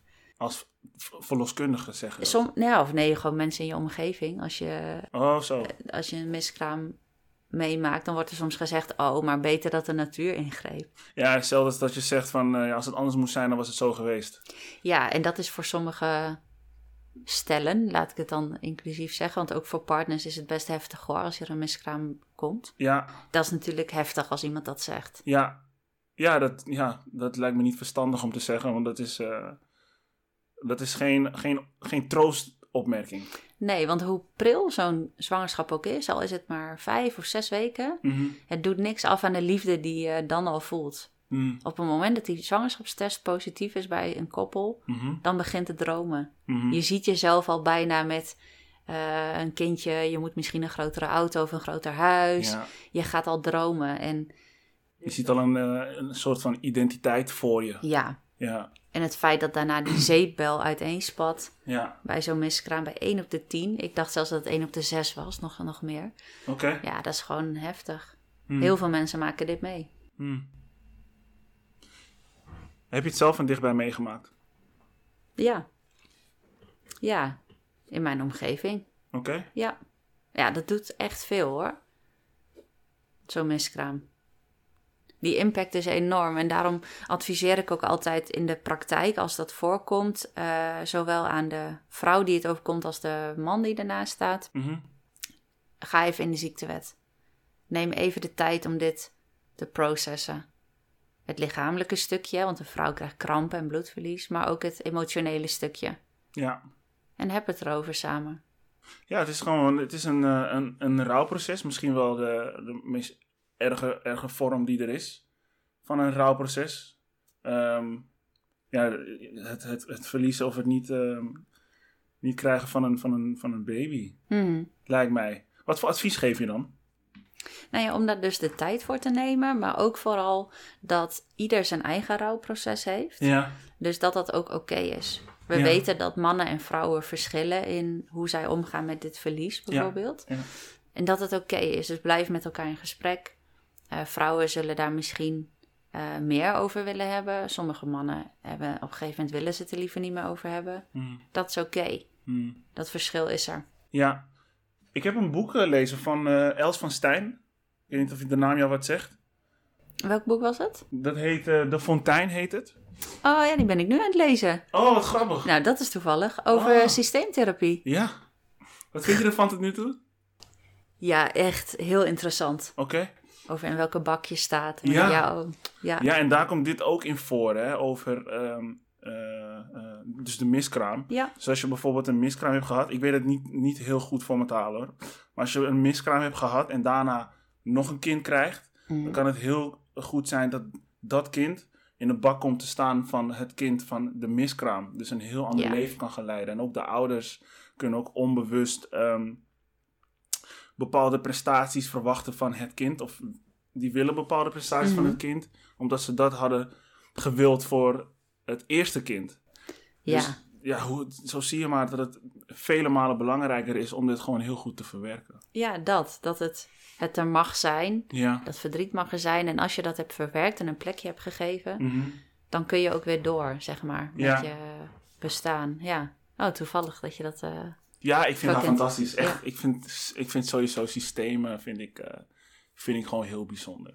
Er, komt zoveel, er zit zoveel energie bij waarvan wij gewoon niet, niet echt bewust van zijn. eh, Mhm. Hoe dat precies werkt. Ik heb toch nog een brandende vraag. Ja. Ik was me dus aan het voorbereiden ehm, eh, op deze podcast en Mhm. iets schoot mij te binnen. Er zijn een hoop grote gezinnen. Mhm. En zo heeft elk gezin zijn reden waarom is gekozen voor eh, vier, vijf, zes kinderen. Ehm, als je dus kijkt naar het proces, de zwangerschap, de bevalling, borstvoeding, voor hoe lang het ook mag duren. Hoe lang je dat aanraden trouwens? Oh, ehm, nou ja, weet je, dat is ook een beetje aan wat de vrouw zelf wil. Maar als ik kijk naar de, wat de WHO, hè, de Wereldgezondheidsorganisatie, adviseert, Mhm. is eigenlijk twee jaar. Hm. Maar in de praktijk merk ik dat dat bijna niet gehaald wordt. Mede Nee. omdat vrouwen heel snel weer aan het werk moeten en Ja. het gewoon intensief is. Maar ehm, met zes weken borstvoeding geef je als vrouw al je hele immuunsysteem mee Ja, aan je kind. ja, Dus als je dat al lukt, zeggen wij vaak is geweldig. ja. En elke week die je daarna erbij kan geven, Is extra. is extra. extra liefde en extra momenten om, om eh, weer eh, bij elkaar te zijn. Maar goed, het is dus een periode eh, waarbij de aandacht ontzettend op de moeder is gericht. De vader die, die, die hopelijk ook constant bezig is met de, met de ja, om de spanning voor zijn partner zo laag mogelijk te houden. En andere familieleden die vragen hoe het met je gaat. En iedereen is, is zo druk met je bezig. Misschien wel vaker dan, dan normaal. En dan kan ik me voorstellen dat je die aandacht gewoon heel fijn vindt. Mhm. Zou dat kunnen meespelen in de behoefte om meerdere kinderen te willen baren? Oh, een goede vraag. Ehm, dat weet ik niet. Dat weet ik niet. Of, dat, eh, of die aandacht mede bepalend is voor hoeveel kindjes je wil. ja. Ik denk eerder dat het een soort gevoel is. Hm. Sommigen zeggen met twee van nou ik ben echt wel klaar, ik vind het druk genoeg. Ja. En er zijn ook stellen die zeggen oh er was nog ruimte. ja. Het voelde nog niet compleet. Sommigen weten van tevoren al dat ze er vier of vijf Ja, hebben. bijvoorbeeld. Dat vind ik dus bijzonder, want ik heb daar helemaal geen gedachten bij. Hoeveel maar- kinderen je wil? Nee, dat heb ik nooit gehad. Geen, Nee, terwijl sommige vrouwen zeggen, oh ja, ik wil er sowieso drie. En dan denk Ja. ik, goh, bijzonder hè, dat het zo dat het verschilt. zo specifiek is. Ja, of ik wil er vijf. Of ik heb altijd een groot gezin gewild, zeggen sommigen dan. En ik denk, nou, eerst maar eens één. ja. Kijken hoe het gaat. En, eh. Ja, maar dat is een ander verhaal. Maar ehm, nee, dus ik denk niet per se dat de steun en de aandacht van omgeving ervoor zorgt dat je bijvoorbeeld voor een vierde of een vijfde kiest. Hm. Oké. En wat wel meespeelt, denk ik, is religie. Hm. Want in de Bijbelbelt, hè, het deel van Nederland waar veel eh, mensen gelovig zijn, daar zie je meer grote gezinnen. oké. Gaat heen en vermenigvuldigt u. Gaat heen en vermenigvuldigt u. Ja. Komt vanuit de Bijbel. Ah, oké. Ja. Als dat een affirmatie van je is, dan gaat het wel heel makkelijk, denk ik. Ja, dan wordt het gezien als een geschenk van God. Ja. Dus dan krijg je gewoon meerdere kinderen. Hmm. Dat is een eh, bijzondere manier om ernaar te kijken. Ja, waarom ik dat ook bedacht is omdat ik wel wat mensen eh, in mijn omgeving ken of verhalen hoor, links en rechts, maakt op zich ook niet uit. Ja, van mensen die, die in een bepaalde, eh, een bepaalde financiële situatie hebben. Mhm. Waarbij ik bij mezelf denk van oké, nou, naar mijn idee kan je het niet permitteren om nog een kind erbij te nemen. Maar het gebeurt. En dan Mhm. gebeurt er no- nog een derde, en nog een vierde, en nog een vijfde. En ik denk bij mezelf, oké, hoe kan dat? Mhm. En dan ging ik, na- ging ik nadenken erover. En ik ben er met, die met de voorbereiding bezig. Ik denk van, oké, dat, dat zou misschien ook wel een hele grote rol kunnen spelen. Als je uit een, ehm, als je uit een gezin komt waarbij niet heel veel aandacht voor jou is geweest. Als je misschien een leven leidt waar er momenteel niet heel veel aandacht voor jou nu is. Mhm. En, eh, en dan ervaar je dat, denk je van, ja, oh, dit is een heerlijk gevoel. En dan ben je moeder, geef je borstvoeding. En dan kom je in de volgende fase. En dan zie je steeds meer dat de, de aandacht die je kreeg wegvalt. Steeds meer wegvalt. Ehm, dus vandaar dat ik dacht van, ja, ik kan me wel voorstellen dat het enigszins iets zou kunnen betekenen. Mhm. Ja, ik weet het niet. Ik heb er nooit zo over nagedacht. Of Nee. dat vanuit het, de aandacht vanuit het kind misschien... eh, het zou wel wat kunnen vullen. Hmm, Iets wat je gemist hebt, dat je dat zelf fijn vindt. Ja, Dat je zelf uit een minder groot gezin komt. Dat bijvoorbeeld mensen die enigskind zijn... hm, Daarvan hoor ik wel vaak van... Oh, ik heb me vaak alleen gevoeld als kind. Dat wil ik eigenlijk niet. ja, Dan zou ik liever twee of meer kinderen willen. Dus ja, het zou kunnen. Ja, ja, ik weet het niet. Ik weet het niet. Het is, eh, het is ook iets dat gewoon bijna onmogelijk is om te onderzoeken, Ja, lijkt mij. En, en zo individueel, want ook financiën. Sommige mensen zullen zeggen: wij hebben nu niet de financiële middelen, dus er komt geen kindje bij. Mhm. Maar in mijn praktijk zijn er ook genoeg mensen die leven onder de armoedegrens. Ja, En die krijgen gewoon nog een kindje. ja. Want die zeggen: Het is voor mij niet in financiën vastgelegd, maar we willen graag een groot gezin. Ja, We doen ons best om het draaiend te houden. Dus dat is ook een beetje hoe je als mens misschien kijkt naar. weet je, iedereen zijn beweegredenen. Daarom, Ik, ja. eh, iedereen zijn beweegredenen. Ik was gewoon, ik was gewoon even, even benieuwd. Maar goed, Ja. jouw praktijk in ieder geval. Je hebt hem eh, nu al 7,5 jaar, als ik me daar niet in vergis. Ehm, nou, ik werk er sinds 2014. De praktijk bestaat al bijna 30 jaar. Ah. Dus ik ben toegetreden tot de maatschap in eh 2014, 2015. Ja, oké. Dus dat is, hoe lang geleden is dat? Dat is 7,5 jaar. Reken ik het goed uit? Eh, ja, ja, klopt. Bijna acht jaar. Ja. Ja. En hoe is het voor jou om, om dan zo te beginnen als, als verloskundige? Om daar te beginnen? Ja. Ja. dat is geweldig. Oké? Ja, het voelde als een warm bad. Ja, En ik had eerst een beetje een jaar gefreewheeled. Overal nergens gewerkt als verloskundige. oké. En dat ik daar mijn vaste plek kreeg. En wat, wat betekent dat freewheelen? Ik weet wat het eh, betekent, maar hoe ziet dat eruit in... in eh, nou, in ik heb een jaar als waarneemster gewerkt. Dus ik werd ingehuurd door verloskundigen die zelf ziek waren of met verlof gingen omdat ze zelf gingen bevallen. Dus Ah. dat zijn tijdelijke opdrachten. Ja. Freelance eigenlijk. Ja, En dat heb ik een jaar gedaan en dat was heel leuk om overal mee te kijken om een en beetje te proeven. te proeven aan wat je wil. Ja, En daarna kwam dit aanbod en eh, ja, daar ben ik gebleven. Ja. Dat voelt fijn. ja, hoe zit het trouwens met de verloskundigen op de markt? Is er veel vraag naar? Is er genoeg? Overvloed? Eh, nee, er is heel erg tekort. En Oh. dat is nog versterkt door corona. Want eh verloskundigen in opleiding die zouden afstuderen, hadden Ja. vertraging, want die konden geen stage lopen. Ja, Dus er studeerden minder verloskundigen af. ja. Dus er ontstond een tekort. Mm. En je merkt dat dat nu nog lastig is, want de verloskundigen eh, die hebben gewerkt in de coronacrisis zijn moe. Want die hebben hard gewerkt, er werden Mhm. meer baby's geboren Mhm. en er was geen nieuwe aanwas. Mhm. Dus je begint nu te merken dat er echt behoefte is aan de nieuwe lichting eh, Ja. die komt helpen. Ja, hopelijk komt dat. Ik, ik weet Ja, het het niet. is weer begonnen nu. Hè. De stages lopen weer en de Ja, verloskundigen in de opleiding studeren af. Dus ah, ik denk dat die balans wel weer komt. Dat is altijd een beetje een golfbeweging geweest. Mm. Dan is er een overschot aan verloskundigen, leiden ze minder op, komt er uiteindelijk weer een tekort. En eh, Ja. dat Worden er ook mannen opgeleid als verloskundige? zeker. Ik vind het best wel... Ik weet, ik weet, niet, ik weet niet welk woord ik daarvoor moet. Ik weet het niet. Ik, wa- ik wil- was net benieuwd, wat vind je ervan? Ja, ik vind het top. Ik vind het fantastisch. Dat vind ik sowieso. Maar tegelijkertijd, als ik dan, ehm, ja, als ik dan denk van oké, ik ben verloskundige en ik kom binnenlopen. Mhm. ehm, ik kan me heel goed voorstellen dat, dat de man het ziet als een soort dreiging. Snap je wat ik bedoel? Of is dat... Ja, ik snap die gedachte en heel af en toe is dat ook zo. Maar Ja. de meerderheid wendt er snel aan, want gynaecologen zijn ook man en huisartsen zijn ook man. Sorry. Ja. Dus ehm, uiteindelijk valt die dreiging wel mee. Ja. En dat is een van de redenen trouwens waarom de term vroedvrouw niet meer wordt gebruikt, of bijna niet meer. Mm. Omdat er mannelijke verloskundigen waren. Mannen Mm. noemen zich geen vroedvrouw. Nee, nee, nee. Dus vandaar kwam de term verloskundige, die meer inclusief is. Ja. Ja, wat tof. Er werken geen mannen in jullie praktijk. Nee, Zou je dat willen?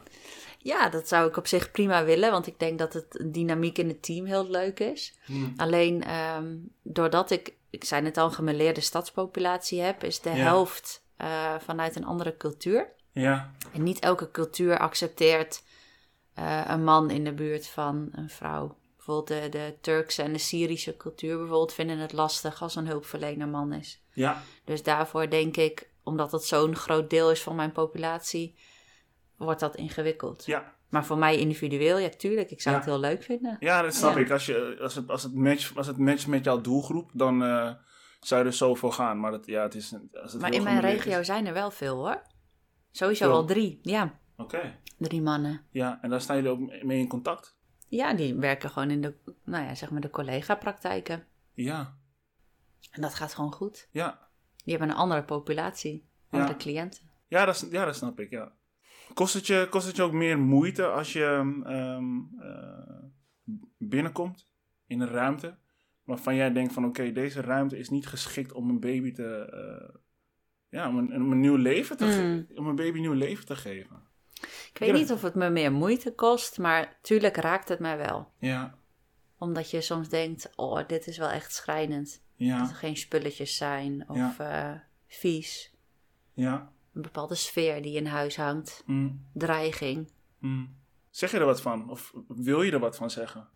Ja, dat proberen we zeker te doen. Ja. Daar, daar zie ik ook wel mijn taak, die preventie. Hmm. En daardoor bouw je ook aan een band. Dus we helpen zo goed mogelijk. Dus als we merken dat er problemen zijn, dan ga je proberen dat op te lossen. Ja. Om weer bij te dragen aan die goede eerste duizend dagen, snap je? Ja. Ja, ja, dat snap ik. Ja, en dan zie je al, als je dan binnenkomt lopen, dan weet je al, oké, de ehm, hoeveel dagen zijn dat? Ja, ik weet niet precies hoeveel dagen dat zijn, maar een klein onderdeel van die duizend dagen is waarschijnlijk niet eh, gelopen zoals het had moeten lopen. Mhm. Als je dan kijkt naar hoe de omgeving eh, Ja, erbij staat. en daar zijn we allemaal mee bezig. Wij als Ja. verloskundigen, maar ook de kraamzorg bijvoorbeeld. Hè, die eerste Ja. acht tot tien dagen. Die komt daarna, ja. Ja. Ja, consultatiebureau neemt het van ons over. ja, Huisarts, ja. ja.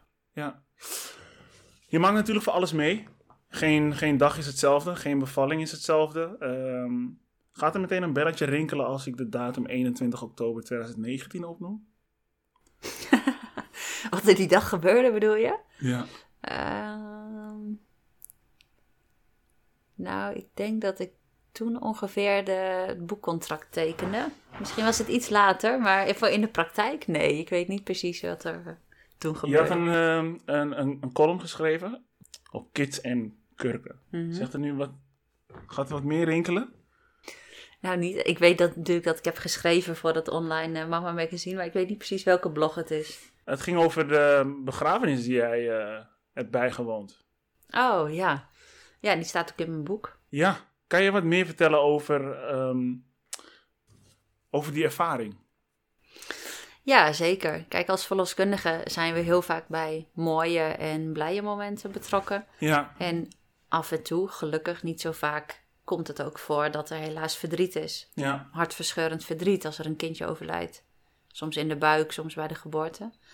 En omdat we zo'n intense band hebben opgebouwd met die stellen, mhm, ehm, raakt het ons ook als er zoiets gebeurt. En dat Hmm. betekent dat je soms op een uitvaart staat van een stilgeboren baby bijvoorbeeld. mhm.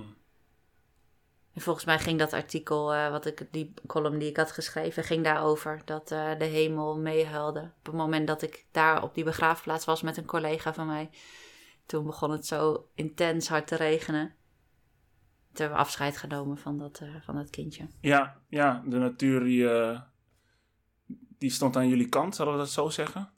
Ja, zo voelde het op dat moment even. Dat het, het was volgens mij best een zonnige dag. Maar op het moment dat we daar, dat het kistje de grond in ging, toen begon het heel hard te regenen. Ja, Het heeft heel veel indruk op me gemaakt. Juist omdat het niet zoveel voorkomt. nee, Gelukkig. Ik heb het in mijn carrière bijna nog niet meegemaakt. Maar als het dan een keer gebeurt. Zo, dat doet wat met je als mens hoor. Dat verdriet van die ouders. is echt heftig. ja. Ja, je eigen kind begraven. Ik krijg kippenvel van. Ja, dat... Omdat het gewoon. Ik denk dat dat dus het ergste verdriet is wat je kan meemaken. Hmm, Denk je ook niet? ik denk het Je wel. kind naar het graf brengen. Ja, ik denk het wel. Ehm, ja, betrek het meteen even op mezelf natuurlijk. Ik denk dat dat wel echt het ergste is wat, eh, wat je kan overkomen. Ook vooral omdat eh, ja, je, je, je creëert bepaalde eh gedachten, dromen wat jij natuurlijk zegt. hoe jij het ook voor je ziet voor, voor jouw kind. En eh, ja, er zijn zoveel dingen dat er opeens voor zorgt dat het allemaal weg is. Eh, en ja, niet alleen dat, maar ook echt daadwerkelijk het verdriet dat je hebt voor het kind. Mhm. Eh, dat lijkt me. Ja, dat ging je niemand. Nee. Dat ging je echt niemand. Maar hoe zorg jij er zelf voor dat je het niet meeneemt naar huis? Heb je het meegenomen? Überhaupt? Ja, zeker. Sommige verhalen die neem je mee naar huis. Die gaan onder je huid zitten. Ja. Omdat het zo verdrietig is of omdat, het, omdat ik erbij betrokken was. Ehm, Moet jij ook rouwen? ja, in, in één specifiek geval eh, waar ik heel nauw bij betrokken was, daar eh, heb ik ook moeten rouwen. Omdat het mij, ja, dat, dat doet wat met je. Als je negen maanden lang met iemand meeloopt en het gaat op het allerlaatste moment mis. Hm. Wat, dat wil ik nogmaals benadrukken, echt heel zeldzaam is. Mhm.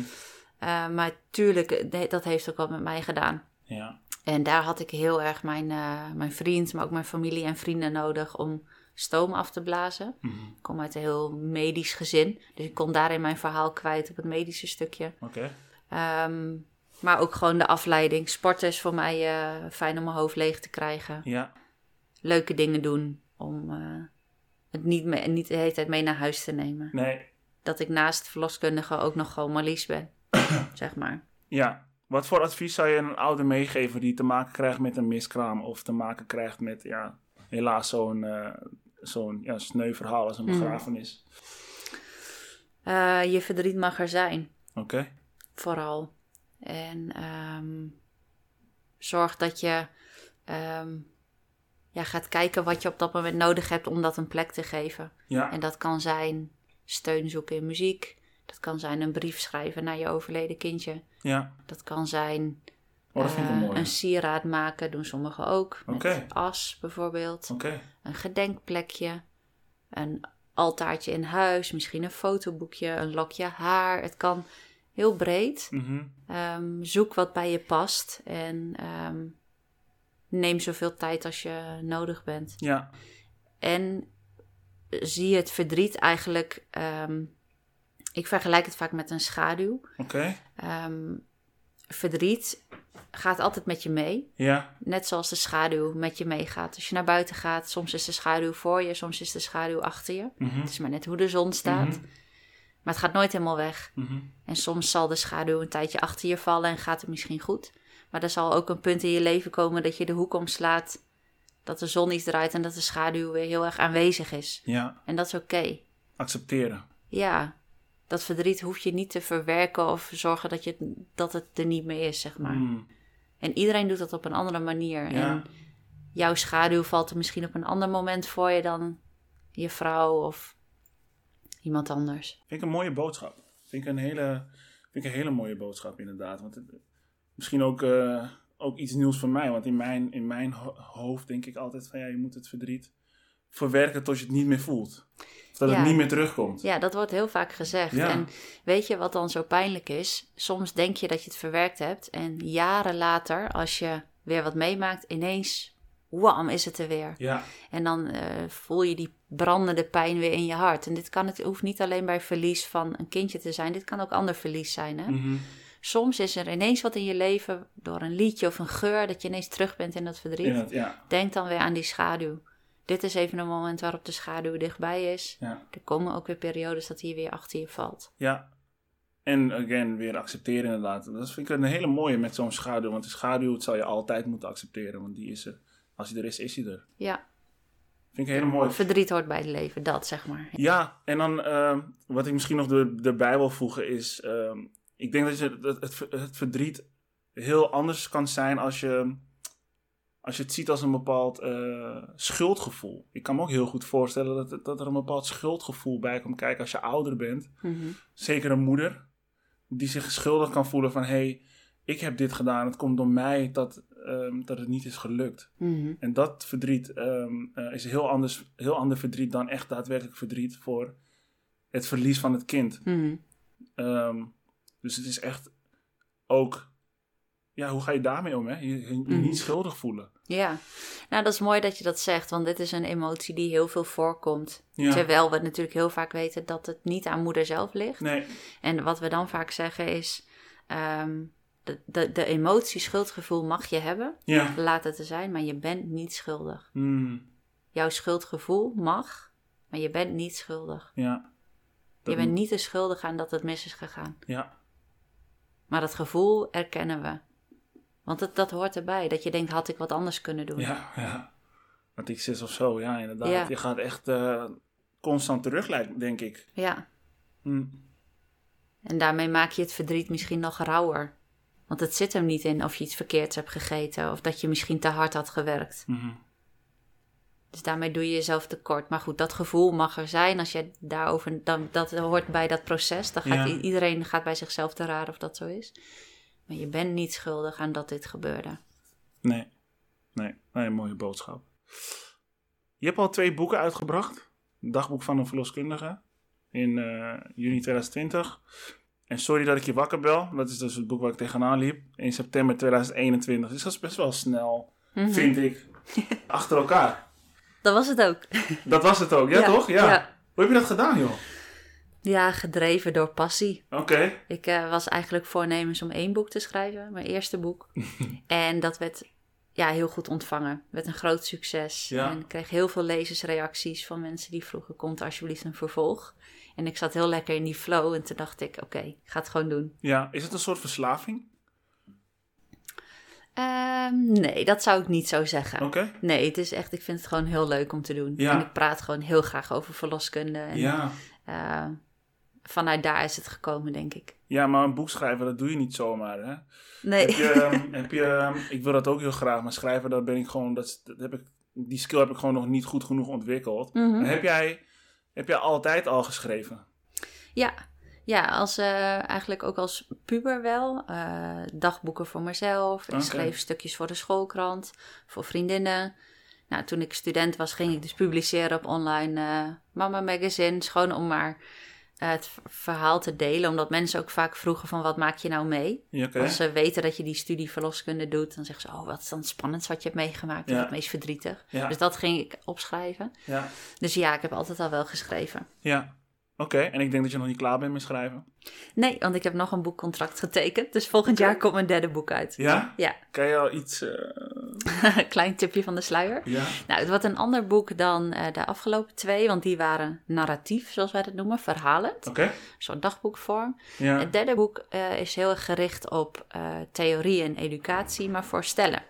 Dus als je zwanger bent en een kindje krijgt, Mhm. dan zorgt dit handboek ervoor dat je met z'n tweeën je goed kan voorbereiden. Onder andere voor die eerste duizend dagen. mooi. Hoe, hoe ga je dat doen met tips en tricks, met checklist, lekker luchtig. ja, Maar het eh, belang van samen dat ouderschap aangaan, dat is belangrijk. ja. Ja, dit vind ik fantastisch. Ik denk sowieso een, een boek samen lezen zorgt al voor eh, een betere verbinding tussen man en vrouw. Wat denk jij dat er echt in moet? Wat, wat zou jij willen lezen als je stel je gaat met je, nog, je zou het ooit nog eens meemaken en je gaat Ja. met je vrouw zo'n boek lezen. Mhm. Wat erin zou moeten. Ja, waarvan denk jij nou dit wil ik andere stellen of andere vaders meegeven? Poeh, moeilijk. Ik denk, eh, dat vind ik een moeilijke vraag. Ik denk dat ik wel een stukje zou mee willen geven over eh, wat onvoorwaardelijke liefde daadwerkelijk is. Mhm. Ik denk dat dat heel belangrijk is. Want naar mijn idee, ehm, zoals ik zie hoe bepaalde eh, mensen manoeuvreren door het leven, denk ik dat het nog niet echt duidelijk is wat het is. En ik denk als dat duidelijk is, dat je dan ook veel meer ehm, eh, één bent. Intiemer bent. Ik denk dat dat ook wel kan zorgen om, om de spanning te verlagen, de, de, de stress, et cetera. Mhm. Dus Mooi. Dat zou ik misschien. erin Dat komt er sowieso in. Ja, oké. Omdat het een basis is, zeg maar. Dus eh, Ja, precies. leuk. Ja, tof. hey, ik wil hem ehm, afronden met nog twee vragen Ja? die ik voor je heb. Ehm, en mijn eerste vraag is: heb jij nog wat voedingstips om de zwangerschap te bevorderen? Bedoel je in de kinderwensperiode of echt als ze al zwanger is? Oh, dat is een mooie vraag, ja. ja, misschien al in de, in, de, in de kinderwensperiode al, ja. Ja, Ja, nou ja, als je als stel besluit dat je zwanger wil worden, zijn er een aantal dingen waar je op kan letten. Mhm. En dat zijn eigenlijk bijna dezelfde ook als iemand al zwanger is. Mhm. Maar let op met ehm, alcohol. ja, Beperk die inname of stop even een tijdje. Omdat het dus daadwerkelijk je zaadkwaliteit en de eicellen ja, verbetert. voor man en vrouw. Voor man en vrouw. Ehm, uiteraard eh, roken en drugs ook natuurlijk. Maar je had het over voeding. Mhm. Ehm, pas op met rauw vlees. Rood vlees. eh, carpaccio, filet américain, dat soort dingen. Oké, En ehm, eh, voor in de zwangerschap, eh, kijk even naar de zwangerhap. Dat is de app van het voedingscentrum. ah. Want dan wordt er specifiek aangegeven per product of je het wel of beter niet kan eten. Oké, Dat is denk ik de makkelijkste optie dan dat ik hier de hele lijst ga noemen van, Opnoemen, van ja. wat je wel of niet mag. Maar, ja, of ja. een paar dingen opnoemt. Dus je kan Ja. meteen de hele lijst krijgen op zwangerhap. Hoe? Ja, ja, zwangerhap, Zwangerhap. HAP, Oké. van hap. Helder. En ehm, als laatste, wat zijn jouw drie kernwaardes? Oeh. Ehm, professionaliteit, eigenheid en empathie, denk ik. Mooi. Wil ik even terugkomen bij professionaliteit? Kan je Mhm. daar wat, wat specifieker over zijn? Wat is professionaliteit? Eh, nou, die professionaliteit betekent voor mij wel met betrokkenheid helpen, maar Ja. ook de afstand voelen eh, als dat nodig is. Ja. Dus in, met mijn kennis en kunde help ik je. Maar tot op zekere hoogte, want eigenlijk zit die kennis en kunde ook in in jouzelf. jouzelf. Ja, Hmm. Mooi. hey, Marlies, ik wil je bedanken voor ehm, dit gesprek. ik vond het leuk. Ja, ik leuk ook. om eens een mannelijke visie te Oh, ja. horen over zwangerschap en geboorte en Ja. ouderschap. Ja, ja en ik hoop, ehm, ehm, ik hoop hiermee ook gewoon veel meer mannen te, te bereiken. Ehm, ik ben ook heel benieuwd naar jouw derde boek. Dat vooral. Ehm, ik denk dat dat ook een boek is dat echt gestimuleerd moet worden, ook in, in, in, in mijn omgeving. Of gepromoot moet worden in mijn omgeving vooral. Ehm, ja, want er heerst gewoon een behoorlijke taboe op bepaalde onderwerpen. Ja. Ik zal zorgen dat hij niet te tuttig en te zoetsappig wordt. Want ik Ja, weet dat dat een veelgehoord, eh veelgehoorde klacht is van mannen. Dat ze zeggen, oh, ik ga niet al dat geneuzel lezen. ja. Het wordt denk ik kort en bondig. En ik zal met sterretjes in de inhoudsopgave aangeven welke je moet lezen. en Welke hoofdstukken. en dan kun je zelf kiezen of je de rest leest. Ja, nee, maar goed, Maar, hoe dan eh, ook nee, is het... ja. ehm, eh, ja, je doet fantastisch werk. En ik hoop Dank dat je dat nog jaren kan blijven doen. Dat hoop ik Eh, zelf ook. Ja, dat wil ik je toch nog even meegeven. Bedankt Marlies. Ja, dankjewel en, En veel succes. eh, nog een keer.